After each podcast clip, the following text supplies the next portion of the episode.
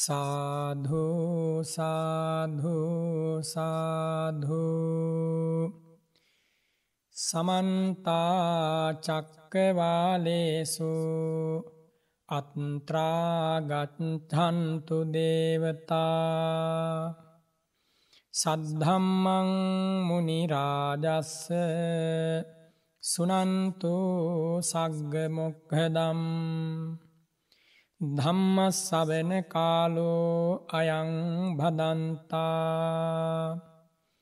ධම්මස්සවෙන කාලෝ අයං භදන්තා. ධම්මස්සවන කාලෝ අයං භදන්තා. සුවිසුද්ධ සීලේසු සින්ධෝපමස්ස සමාධිධම්මේසු පට්හවී සමස්ස අනන්තඥානේසු ගගනූපමස්ස නමාමිසිරසා සිරිගෝතමස්ස මෝහන්ධකාරේසු සුරියෝපමස්ස සංසාරසෝතේසු සේතුපමස්ස දෝසප්පවාහේසු මේඝෝපමස්ස නමාමිසිරසා ධම්මාම තස්ස පටිපත්තිසාරේසු සම්මාඨිතස්ස උජුභූතමග්ගේසු යානාගතස්ස කුසලේසු ධම්මේසු කෙත්තෝපමස්ස නමාමිසිරසා සුගතෝ රසස්ස. පිරිසිදු සිල්කන්ද සමුදුරසේමා නිසල සමාධිය මිහිකතසේමා අනන්තඥානය අහසක්සේමා සිරිපා අභියස පිණිපාවේවා මොහඳුර සිඳලන ලාහිරුසේමා සසරදියඹ මැද පහුරක් සේමා. කෙලෙස් කිලොටු හල වැස්සක් සේමා. සදහම්රුවනට පිණිපාවේවා. පිළිවෙත් සරුවෙයි සුවදක් සේමා. දම්රස දනවයි මිහිරක් සේමා. පින් ගඟ ගලනා නිම්නය සේමා මහසඟරුවනට පිණිපාවේවා. සාධු සාධු සාධු. නමෝතස්ස භගවතෝ අරහතෝ. සම්මා සම්බුද්ධස්ස නමෝතස්ස භගවතෝ අරහතෝ සම්මා සම්බුද්ධස්ස නමෝතස්ස භගවතෝ අරහතෝ සම්මා සම්බුද්ධස්ස ඉද්ධනන්දති පෙච්චනන්දති කතපුඥෝ උභයත්ත නන්දති පුඤ්ඤං මේ කතන්ති නන්දති භීයෝ නන්දති සුග්ගතින් ගතෝති ශ්‍රද්ධාවන්ත පින්වතුනි පින් කළ තැනැත්තා මෙලොව සතුටු වේ. පරලොවද සතුටු වේ මා පින් කළ කෙනෙක් කියා සතුටු වේ මරණින් මතු දෙව්ලොව උපන්ඩා අසීමිත සතුටක් ලබයි එයයි මේ උතුම් ගාථහා ධර්මයේ පැහැදිලි සරල අදහස. කෞුද මෙලොව සතුටු වන කෙනා පින් රැස් කරපු කෙනා. කෞුද පරලොව සතුටු වන කෙනා පින් රැස් කළ කෙනා. කෞුද මෙලොව පරලොව සතුටු වන කෙනා පින් රැස් කළ කෙනා. කෞුද මා පින් කළ කෙනෙක් කියල සතුටු වන්නේ පින් රැස් කළ කෙනා. එහෙනම් පව් කළ කෙනෙකුට මේ සතුට හිමි වෙනවද. හිමි වෙන්නේ නෑ. මොනවද පින් කරනවා කියන්නේ. බුදුරජාණන් වහන්සේ අනු දැන වදාළ දානය පුරුදු කරනවා. සීලය පුරුදු කරනවා. භාවනාව පුරුදු කරනවා. මේවට කියන පින් කරනවා කියලා.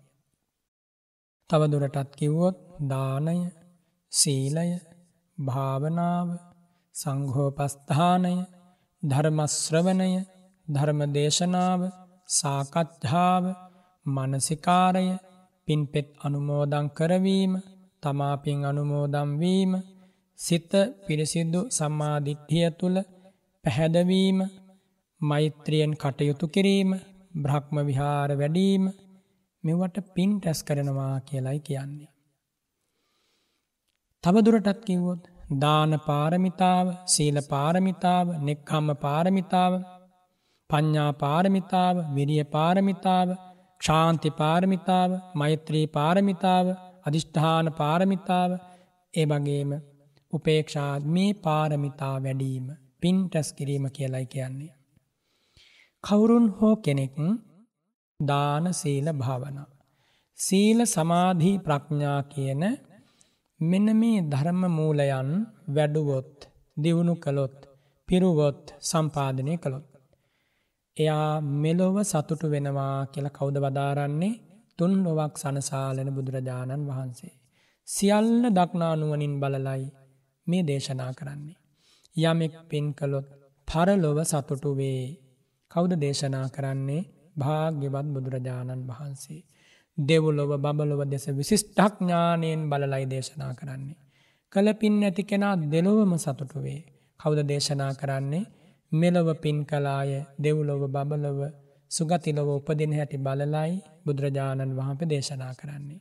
පුං්ඥම් මේ කතන්ති නන්දති මං පින් කලා සුගතිය ඉපදුනා බොහෝ පින්ටැස් කලා කියල සතුටු වෙනවා කෞුද දේශනා කරන්නේ භාග්‍යවතුන් වහන්සේ විශිෂ්ඨක් ඥානයෙන් දැකලයි ඒ හැමදේම දේශනා කරන්නේ. පින්වතුනී භාග්‍යවතුන් වහන්සේ සැවැත්නුවර දෙවුරම් වන අරණේ වැඩ සිටින කාලයේ තමයි මේ ගාථහා ධර්මය සිරි මුවමඩලින් ගුවන්තලයට මුසූනේ. මහනෙල් මල් සුවන්ද සුදෝසුතු බුදුරැස් දහරාව කවදත් ඒ බුදුවදන් මතු වෙනකොට දකින්නට ලැබෙනවා. එනිසාම ඒ බුදුවදන් අසන්නන්ගේ හදට ආනන්දයක් ගෙන දෙනවා. ජීවිත සුවපත් වෙවී නිවිනිවී සැනසෙනවා. සිත විතරක් නෙවෙයි නිවෙන්නේ ගතත් නිවෙනවා. කායිකාබාධ විතරක් නෙමෙයි මානසිකාබාධත් නැති වෙනවා. කායික මානසික සුවය සෝමනස්ය සතුට සැපේ ප්‍රීතිය ශාන්තිය සැනසීම මේ හැම දෙයක්ම. අනුවක් නැතිව උපදින උල්පත භාග්‍යවත් බුදුරජාණන් වහන්සේගේ අමා ධර්මය සම්බුදු හද මඩල. කරුණාව පිරීගිය හදවතකින් කරුණාව ගලා එනකොට මෛත්‍රිය මුදිතාව උපේක්ෂාව බ්‍රහ්ම විහාර ගුණ පිරීගිය හදවතකින් බ්‍රහ්ම විහාර ගුණ ගලා එනකොට කොයි ජීවිතත් සුවපත් වෙනවා. කාගෙ හිතුත් නිවෙනවා. ප්‍රචන්්ඩත්වයෙන් ඈත් වෙනවා. සදාතනික ශාන්තිය වෙතයා වෙනවා. බුදුරජාණන් වහන්සේ අපේ ශාස්තෘූන් වහන්සේ අමා ධර්මය වදාළ උතුමන් වහන්සේ. අපට මේ දුකින් ගැලවෙන්න මාවත කියා දුන්නේ බුදුරජාණන් වහන්සේ. සාක්‍ය කුලේ ඉපදුනේ. තිස් දෙකක් මහා පුරස ලක්ෂණවලින් ශ්‍රී ශරීරය බබලනවා. කවදාවත් ඒ හදවතේරිසියා මානදෝස ක්ලේස පාපනෑ සියල්ල ප්‍රහාණය වෙලා පිරිසිදුයි හදබත. කරුණාව කාටත් සමානයි. මෛත්‍රිය කාටත් සමානයි. හැම දෙනාටම සමකරුණාවෙන් පිහිට වුණා. ගුණවතුන්ට හරි කැමති බුදුරජාණන් වහන්සේ. සිල්වතුන්ට කැමති දේශනා කන ධර්මමාර්ගගේ යන ශ්‍රාවකයන් දරුවන් කියලයි සැලකුවේ. ශාක්‍ය කොලේ ඉපදිලා රාහුල භද්‍ර තම පුත්කුමාරයාට වගේම සෑම භික්ෂුවකටම අනුකම්පාව දැක්වවා. කොයි කාටත් පිහිට වුණා සම්බුද්ධ ජීවිතයේ හතලිස් පස් අවුරුද්දක් ගෙවුණා. එහෙම දවසකම වැඩි වෙලාවක් නින්ද ගත්තෙ නෑ. පැයකුත් මිනිත්තු විස්සකට ආසන්න කුඩා කාලයක් ගතේ වෙහෙස නිවා ගැනීමේ බලාපොරොත්තුවෙන් සුවඳ කුටියේ ටික වෙලාවක් විවේක ගන්නවා. සෙසු සෑම මොහොතක්ම තත්පරයක්ම පරෝපකාරය වෙනුවෙන් මයි. තමන්ගේ සැපේ වෙනුවෙන් නෙමෙයි බුදුරජාණන් වහන්සේ තරම් මහ කරුණාවකින් ලොව සුවපත් කළා. මෙහෙම තමයි බුදුරජාණන් වහන්සේ ලෝකයට පිහිට වුණේ. රජකුමාරවරු කුමාරිකාව සිටු කුමාරවරු කුමාරිකාව මේ දහම සැනසීම ලැබුවා. මං අද මේ බණකතාවට කියන්නේ එක්තරා සිටු කුමාරිකාවක් මේ දහම සැනසුම් සුවය ලබපු හැටි. සැබැත් නුවර දිනපත අනාථ පින්ඩික සිටතුමාගෙත් ඒ වගේම විසාකා මහ උපාසිකාවගේත් නිවසේ භික්‍ෂූන් වහන්සේලාට දන් පැන් පූජා කරනවා. ඒ දෙදෙනාම දහස් ගණනක් භික්‍ෂූන්ට ආසන පනවල හැමදාකම වගේ දං වැටක් පවත්වනවා. ඉතිං සැබැත්නුවර හිටපු මිනිස්සු කවුරු කවුරු හෝ දන් පැන් දෙනකොට එක්කෝ අනාථ පින්ඩික සිටතුමා එහෙම නැත්නම් විශාකා මහා උපාසිකාව කියන මේ දෙදෙනාගෙන් කෙනෙක් තම දානය පූජා කරන නිවසට දන්වට කැඳවා ගන්නවා කල් තියාම ආරාධනා කළා. ඒ අයට සමහරට මාස ගානකට කලින් ආරාධනා කළ දිනේ වෙන් කරවාගෙන තම නිවසේ දානි පූජා කරද්දි අනාථ පින්ඩික සිටතුමාට හෝ විශාකාවට ඒ අවස්ථාවේදී උපකාර ඉල්ලා සිටිනවා ඒ දෙපළගෙන්. ඉතින් ඒ දෙපළ බොහෝම සෙයින් සතුටු වෙලා ඒ උපකාරය සිද්ධ කරනවා. ඉතින් මිනිස්සු අහනවා දන් ගෙදරකට ගිහාම නුබලා දානයක් පූජා කළා නේද. නුබලාගේ දානි ගෙදරට අනාථපින්ඩික සිටතුමා හෝ විසාකා උපාසිකාව කියන දෙදෙනගෙන් කෙනෙක් ආවද නැද්ද. ආවෙ නෑ කිව්වතින් කින් දානන් නාමේ තං කියලා කියන මොකක් දොය දානය එච්චර වැදගත් නෑ. ඇයි ඒ දෙන්න ආවිනෑනේ ඒ දෙදෙනට ඒ තරම් පිළිගැනීමක් තිබුණ ආර්ය ශ්‍රාවකයෙක්ෂා ශ්‍රාවිකාවක්නේ දන් දෙන්නම ඉපදිච්ච දෙන්නේ පුදුමාකාර ශ්‍රද්ධාවක්. බුදුරජාණන් වහන්සේ ගැන ජීවිතය පූජා කළ තිබුණ විශාකාවත් අනාත පින්ඩික සිටතුමාත්. ඉතින් මේ දෙදෙනා බෝසයෙන් බොහොම ශ්‍රද්ධාවෙන් ඒ දන් වැටට යනවා. ඉතින් ඔය විදිහට දන් වැටකට සහභාගී වෙද්දී දැන් තමන්ගේ නිමසිදානි පූජා වෙනවනේ. ඒ දේ සිද්ධ කරන්නට කවුරුන් හෝ පත් කරන්නට ඕන. විශාකාව තමන්ගේ පුතාගේ දුව පත් කල්ලා ගියා ඒ දන්වැට විමසා බලන්නට. ඉතින් අනාත පින්ඩික සිටතුමා මහා සුබද්ධා කියන තම ජේෂ්ඨ දියණියට ඒ තනතුර ලබා දුන්න මගේ දන්වැට ඔබ හසුරුවන්න මහා රහතන් වහන්සේලාට බුදුරජාණන් වහන්සේට නියමාකාරයෙන් දන් පැන් පූජා කරන්න කියලා. ඉතින් භික්‍ෂූන් වහන්සේලාගෙන් ධර්මය අසමින් දංවැට පවත්වාගෙන යන මේ මහා සුබද්ධාව සෝතාපන්න වෙලා පතිකුලයට ගියා. ඉන් අනතුරුව චූල සුබද්ධාව ඒ තනතුරේ තැබුවා. ඇයත් බොහෝම හොඳින් උපස්ථාන කළා ශ්‍රී සද්ධර්මය ඇහුවා සෝතාපන්න වෙලා පතිකුලයට ගියා. සුමනා දේවිය කියන බාල කුමාරිකාවට තම ඊළඟ අවස්ථාව හිමි වුණේ. ඇය බොහෝම ශ්‍රද්ධාවන්තයි. ඇය ධර්මය ශ්‍රවණය කරමින් සංඝෝපස්ථාන සිද්ධ කළමින් සකදාගාමී ඵලය ලබාගත්තා. ඇය ආර්ය ශ්‍රාවිකාවක් හැබැයි ඇය විවාහ වුණේ නෑ කුමාරිකාවක් ලෙසම බොහෝ කාලයක් ස්වාමීන් වහන්සේලාට උපස්ථාන කළා. ඉතින් කාලයක් යනකොට ඇයට ආබාධයක් ඇදුන ආහාර අනුභව කරන්නට බැරි වුණා. ඉතින් ඇඳේ නිදාගෙන දැම් මරණාසන්න සමය එළඹිලා තියෙන්නේ. ඉතින් ඒ කුමාරිකාව පසු තැවෙන්නේ නෑ හඬන්නේ නෑ බොහෝම සතුටින්. රත්තරම් පාට කුමාරිකාවක්නේ. ඉතින් ඒ කුමාරිකාව තමන්ගේ පියතුමා දකින්න කැමති වුණා. ඒ කියන්නේ අනාථ පින්ඩික මහා සිටතුමා දකින්න කැමති දැන් අවසන් ගමන් යන්නට හදන්නේ. ඉතින් එහෙම දකින්නට කැමැත්තෙන් පනිවිඩයක් යැව්ව සිටතුමා ආව ආවට පස සුමනා දේවිය තම පියතුමාට කතා කරනවා කොහොමද කතා කරන්නේ කින් තාත කනිට්හ භාතික කියලා ආමන්ත්‍රණය කළා. මගේ බාල සොහයුර ඔබ කොහොමද කියලැහුවා. මල්ලිට කතා කරන විදිහට අක්ක කෙනෙක් කතා කළා. ඉතින් මේ සිටතුමා හිතනවා මගේ දුවට ආබාධය හොඳටෝම උත්සන්න වෙලා. කින් අම්ම සුමනේ සුමනාවෙන ඇයි හොම කතා කරන්නේ විලපසියම්ම ඇයි ඔබ දොඩ වන්නේ. පීඩාවෙන්නේ දෙඉන්නේ. න විලපාමි කනිට්හ භාතික මම මගේ කුඩා සොයුර මම හඩන්නේ නෑ වැලපෙන්නේ නෑ මම බොහොම සීයෙන් ඉන්නේ. භායසියම්ම මගේ දියන්නේ ඔබ හොඳටම බයවෙලා නේද ඉන්නේ. නෑ නෑ න භායාමි කනිට්හ භාතික මගේ කුඩා සොහොයුර මම බයවෙලා නෙමේ ඉන්නේ මෙන්න මෙහෙම කියලා. ඇය දෑස පියාගත්තා. අවසාන වතාවටේ දෑස පියාගත්තේ ඇය අවදි වුණා අවදි වෙලා බලනකොට ඇය දෙවුලොව ඉපදිලා. ඉතින් මේ සිටතුමාට අප්‍රමාණ දුකක් ඇති වුණා. කොච්චර දුකක් ඇති වුණාද කෙනවනම් ඇඩුනා කඳුළු බේරෙනවා. කඳුළු බේරි බේරි කුමක්ද එතුමා කළේ තම දියනියගේ ශරීරය ආදාහනය කෙරෙව්වා. දැව්වා දබල බුදුරජාණන් වහන්සේ ළඟට ගියා. කින් ගහපති දුක් හේ දුම්මනෝ අස්සු මුකෝ රෝධමානවාගතෝසි. ඇයි සිටතුමනි අඩමින් කඳුළු බේරිලා ඇයි ඔය මෙහෙම ඇහුව බුදුරජාණන් වහන්සේ. ඒ වෙලාවේ සිටතුමා ප්‍රකාශ කරනවා දීතා මේ භන්තය සුමනාදේවී කාල කතා ස්වාමීණී මගේ දියනිය සුමනා කුමාරිකාව හදිසියේම මිය පරලොව ගියා එනිසයි මම මේ දුක් වෙන්නේ. බුදුරජාණන් වහන්සේ අසාවධාරෙනවා කස්මා සෝචසී ඇයි සිටතුමනි සෝක කරන්නේ?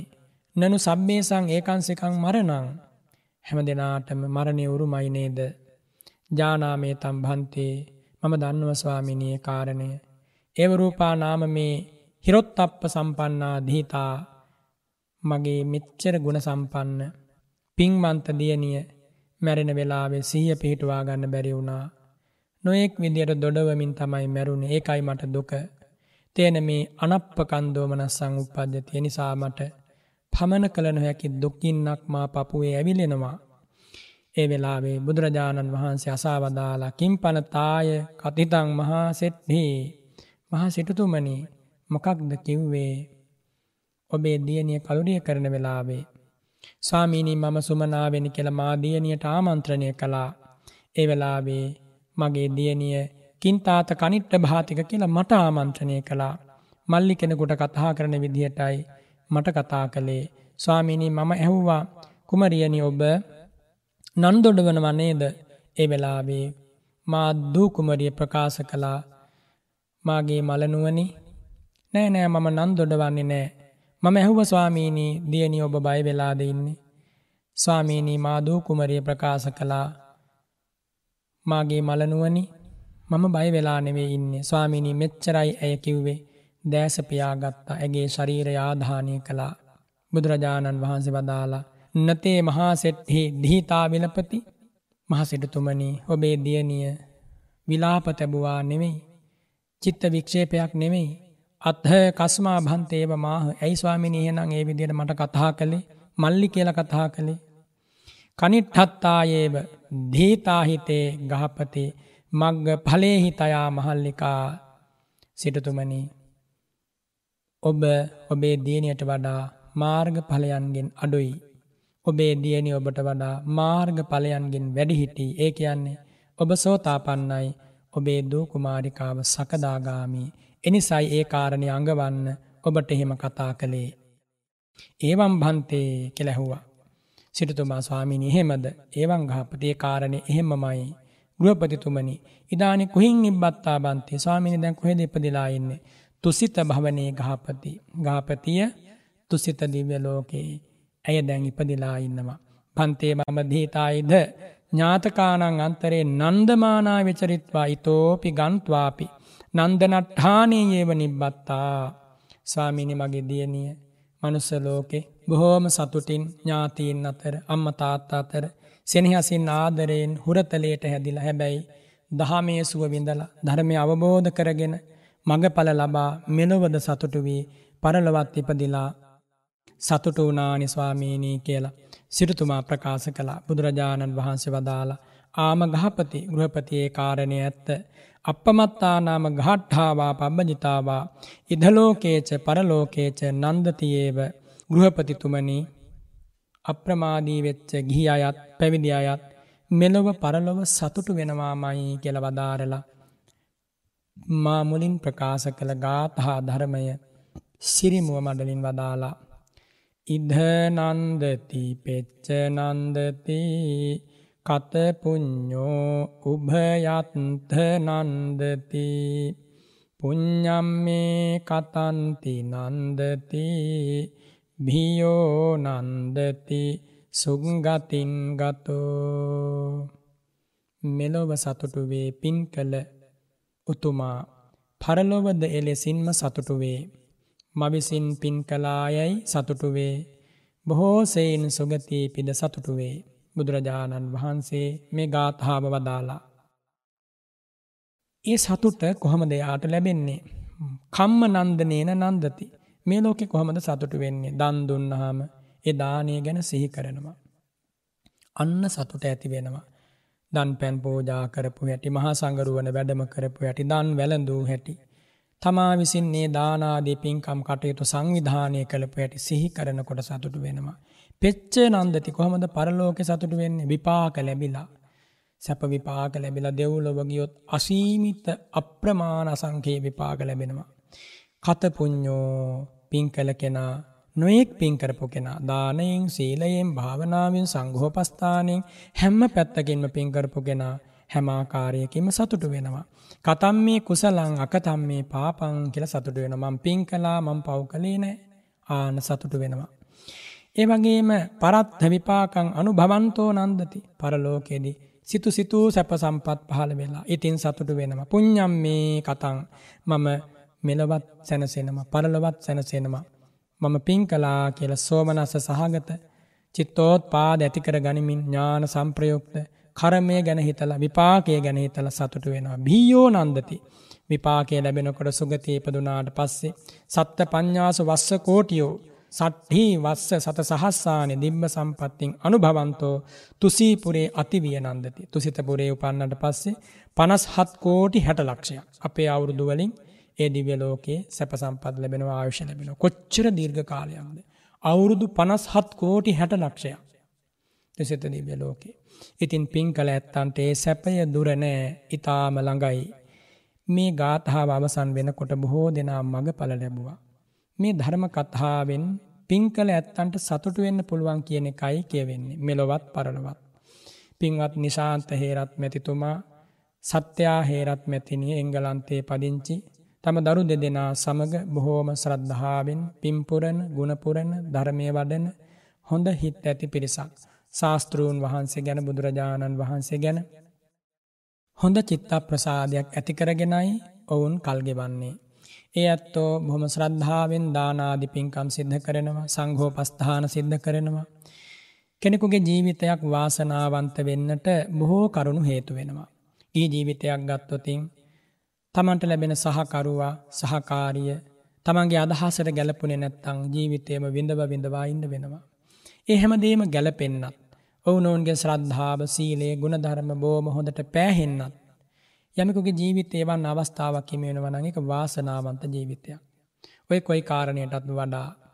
ශ්‍රද්ධාව සීලය ධර්මඥානය ත්‍යාගේ දන්දීම අතහැරීම ප්‍රඥාව සසර දුක දැකීම ඔවුනොවුන් එත කරුණාවෙන් ආදරයෙන් කටයුතු කිරීම යම් අඹුවෙකුගේ සැමියකගේ තියෙනවනම් ඒ අඹු සැමි යුවල දම්පති යුවල සැබවින්ම මෙලොව දිනනවා පරලොව දිනනවා දෙලොව දිනනවත් දෙලොව සතුටු වෙනවා බුදුරජාණන් වහන්සේ වදාලේ. ඉතින් ඒ සත්‍යා මැතිනියත් නිශාන්ත මැතිතුමාත් බොම ශ්‍රද්ධාවෙන් ගුණ පිම්පුරමින් මේ ජීවිතය තුළ සෑනසීම සතුට මේ දහමෙන් ලබා ගැනීමට කටයුතු කරමින් සත්පුරුෂයන් හැටියට මේ ලෝකෙ ජීවත් වෙනවා හැකි හැම වෙලාවකම පිම්පුරාගන්නව ගුණපුරාගන්නවා. අපිත් ඒ දේවල් අනුමෝදම් වෙනවා. අද දවසට විවාහ ජීවිතයෙන් විසි පස් වන ඒ සැමරුම නැත්තං මතක අලුත් කරන මොහොතේ හොඳ මතකයක් ඒ අත්තන්ට තියෙන අනුස්මරණය කරන්නට නැත්තං ඉතින් විවාහයක මොනව සිහි කරන්නද. විවාහයක සිහි කළ යුතු දේ කුමක්ද. ජාති ධර්මයෙන් යුක්ත කෙනෙක් තවත් ජාති ධර්මයෙන් යුක්ත කෙනෙක්ව සිප ගැනීම වැළඳ ගැනීම අගය කළ යුතුද. ඒ වර්ණනා කළ යුතුද. ඔබම හිතන්න නමුත් යම් කිසි කෙනෙක් ඒ එකතුව උතුම් අර්ථයක් වෙනුවෙන් හසුරුවා ගත්තනං සිල් ගුණ පුරන්න දම්පින්කම් කරන්න ශක්තියක් කරගත්තනං බවුන් වඩන් දහමි සැනසෙන්න සංගහෝපස්ථාන කරන්න ඔවුනොවුන්ට ශක්තියක් වුණානං ධර්මය පුරුදු කරන්න ඉන්ද්‍රිය ධර්ම වඩන්න ඔවුනොවුන්ට ශක්තියක් වුණානං එය සිහිපත් කළීම සැබවින්ම වාසනාවක් අනුස්මරණය කිරීම සිදු කළ යුතුමයි. ඉතින් එනිසා ඒ දෙපලට අපි ආශිර්වාද කරනවා ඒ දියණියටත් පින්වත් පුතණුවන් ඇතුළු ඒ පවුලේ සියලු දෙනාම නිදුක් වෙත්වා නිරෝගී වෙත්වා සුවපත් වෙත්වා දීර්ඝායුෂ ලබත්වා කළ පින් බලයෙන් මෙලොව සතුටු වේවා පරලොව සතුටු වේවා දෙලොව සතුටු වේවා ශාන්තම නිවනින් මතු යම් දිනක සැනසෙත්වා කියලා අපි ආශිර්වාද කරනවා. ඒ අත්තන්ගේ නමින් මිය පරලොවගේ සියලු ඥාතීහු මේ පින් අනුමෝදම්වෙත්වා සීලු දෙවියෝ මෙ පින් අනුමෝදම්වෙත්වා දෙවියන්ගේ පිහිටෝපකාරය හැම දෙනාට ලැබේවා බණපදේ ශ්‍රවණය කළ සියල්ලෝ දහමෙන් විනයෙන් සැනසෙත්වා කුසලයෙන් දහමෙන් සැනසෙත්වා ධර්ම ප්‍රීතියෙන් සැනසෙත්වා මෙලොව පරලොව සතුටු වෙලා දෙලොව ජයගෙන අමනිවනින් සැනසෙත්වා කියල මම ආශිරුවාද කරනවා.